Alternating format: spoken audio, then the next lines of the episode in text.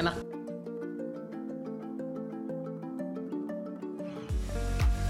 Apa yang terbesit di benak Anda ketika mendengar Kota Batu, Kota Wisata, atau Kota Apel?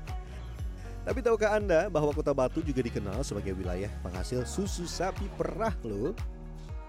Selamat datang di segmen Sehari Menjadi. Selamat datang di Kota Batu. Kalau ngomongin wilayah Kota Batu dan sekitarnya itu nggak melulu soal apel, apel, tapi ada juga susu. Dan sebelum kita melihat susu dan juga olahannya, kita akan memelihara mereka dahulu. Bukan yang kecil-kecil ini ya, yang kita perah, tapi yang besar-besar. Hai. Wah, ya belum bersahabat dengan saya. Besti, Besti.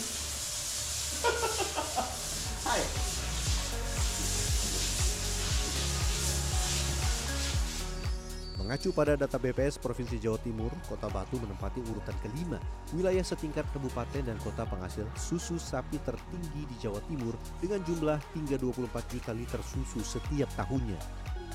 Salah satu sentra produksi susu sapi di Kota Batu berada di Dusun Berau, Desa Gunung Sari, Kecamatan Buniaji, Kota Batu. Di tempat ini sekitar 90% warganya beternak sapi perah.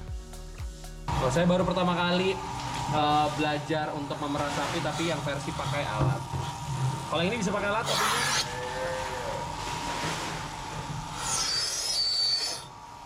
Mau tutup dulu.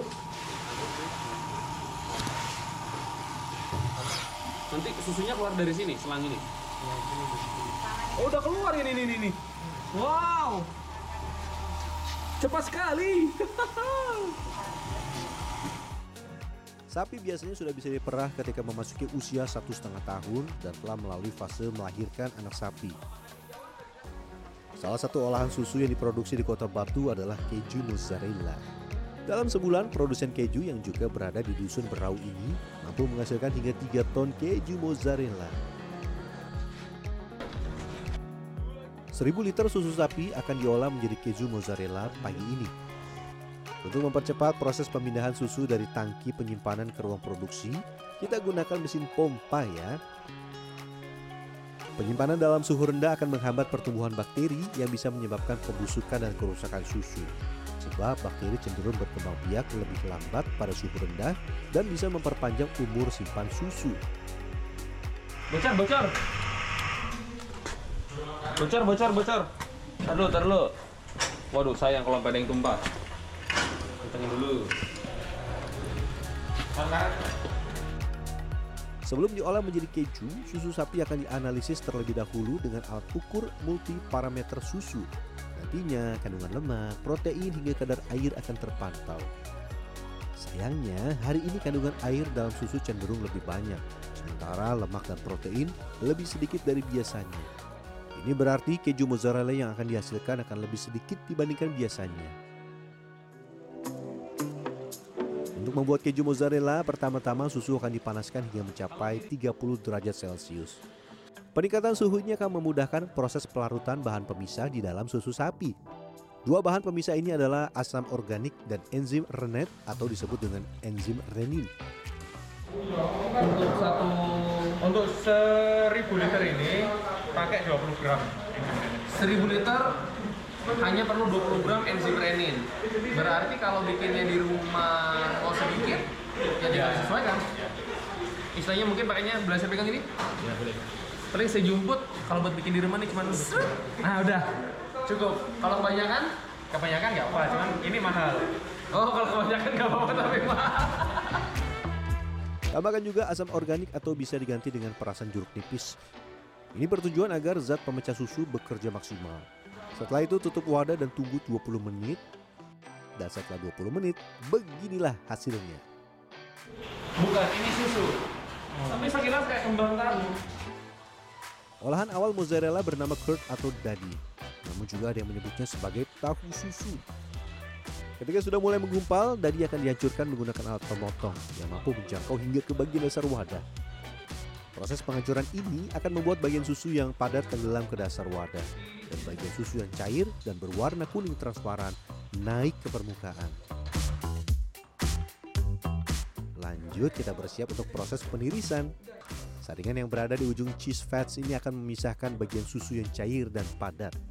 Sambil pelan-pelan, bagian susu yang padat kita geser. Jangan terlalu cepat. Yang Oh. aja. Oh, yang santai. Iya, yang santai. Kenapa, Bang? Kalau terlalu cepat atau terlalu keras dorongnya nanti bisa hancur yang bagian padat ini. Kalau hancur nanti Nanti bisa berikut ke sana, jadinya nanti berkurang hasilnya hasilnya. oh, malah takut kebuang ya. Iya, Ya, ini untuk membuka jalur airnya doang berarti ya, Bang ya. iya. Tuh, sudah mulai padat tuh. Wah. Sudah mulai berat. Proses penirisan ini berlangsung cukup lama hingga beberapa jam.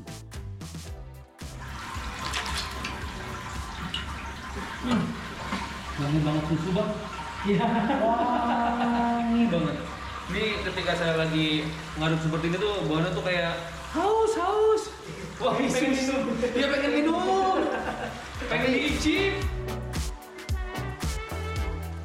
Setelah kurang lebih tiga jam, bagian susu yang menjadi bahan baku utama keju mozzarella perlahan mulai menyatu satu sama lain. Penyusutannya pada proses produksi hari ini berjalan optimal, di mana setiap kilogram mozzarella memerlukan bahan baku sebanyak 8 hingga 9 liter susu sapi segar.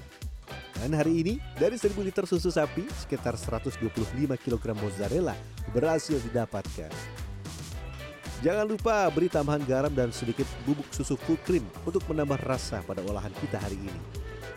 Terakhir, masukkan bahan baku keju mozzarella ke dalam mesin penarik keju atau cheese stretching machine.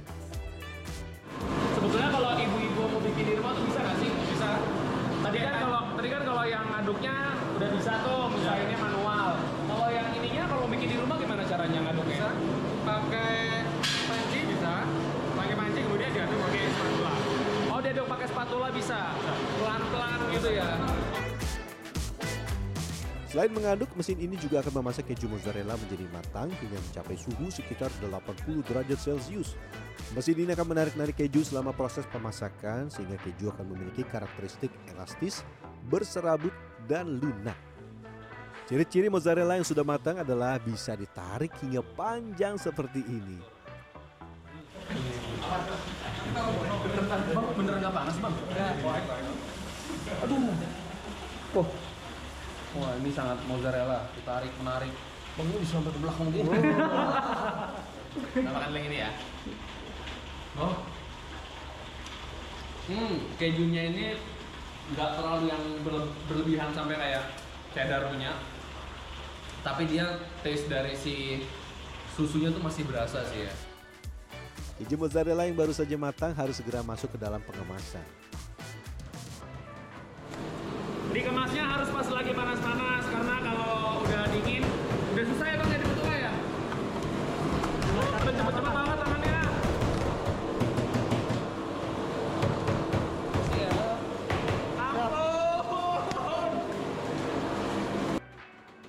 Hari ini sekitar 140 kg mozzarella berhasil kami dapatkan. Namun tidak setiap hari produksi berjalan optimal. Kegagalan pernah terjadi beberapa kali yang rata-rata terjadi karena susu mengalami kontaminasi. Gara-gara ya itu tadi kualitas susu kemudian terkena kontaminasi juga dari eh, waktu itu ada pengunjung, ada kunjungan dari sekolah itu satu kelas itu masuk ya udah jadi ada kontaminasi bakteri sehingga eh, kejunya nggak jadi nggak jadi itu ya udah benar-benar nggak bisa diaduk jadi cair aja semuanya Mozzarella yang sudah dikemas dijual dalam berbagai ukuran. Mulai dari 250 gram, 500 gram, hingga 1 kilogram.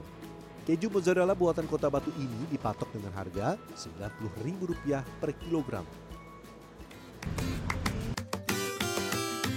Saat ini begitu mudah menemukan aneka olahan yang menggunakan keju mozzarella sebagai pelengkap.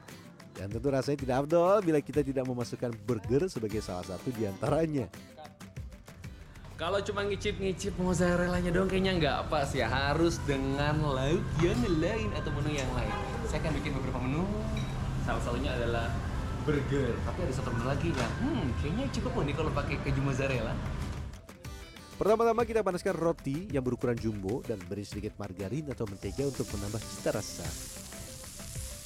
Lanjut masak patty atau daging burger di atas wajan. Dan ini dia yang jadi primadona hari ini, keju mozzarella. Kan memang mozzarella itu kan harus dalam kondisi ya. panas. Ya. Setelah 10 menit, keju mozzarella tidak lagi menggumpal dan siap disajikan. Oke, keju kukusnya sudah jadi. Nah ini mozzarella. Oke. Eh, tuh, tuh, tuh, tuh. Wah, langsung. Permisi, maaf pakai pakai ini panas, panas. Permisi, Bun. Monggo, Bunda nih. Maaf ya Bunda. Siap. Ya. Dan ini dia burger jumbo topping keju mozzarella. Duh, sampai tumpah-tumpah, Bun.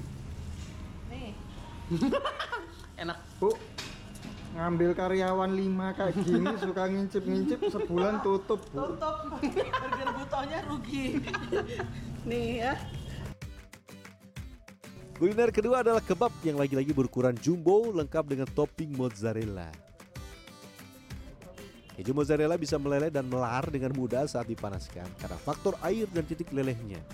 Keju mozzarella memiliki kandungan air yang tinggi dibandingkan keju jenis lain. Dan keju jenis ini akan meleleh sepenuhnya di atas suhu 50 derajat Celcius. Jadi, santap selagi hangat ya. Walau kota Batu dan wilayah sekitarnya tersohor sebagai sentra produksi apel Malang, pemerintah setempat tidak menutup kemungkinan keju mozzarella akan menjadi salah satu alternatif buah tangan khas kota Batu di tengah tingginya produksi susu.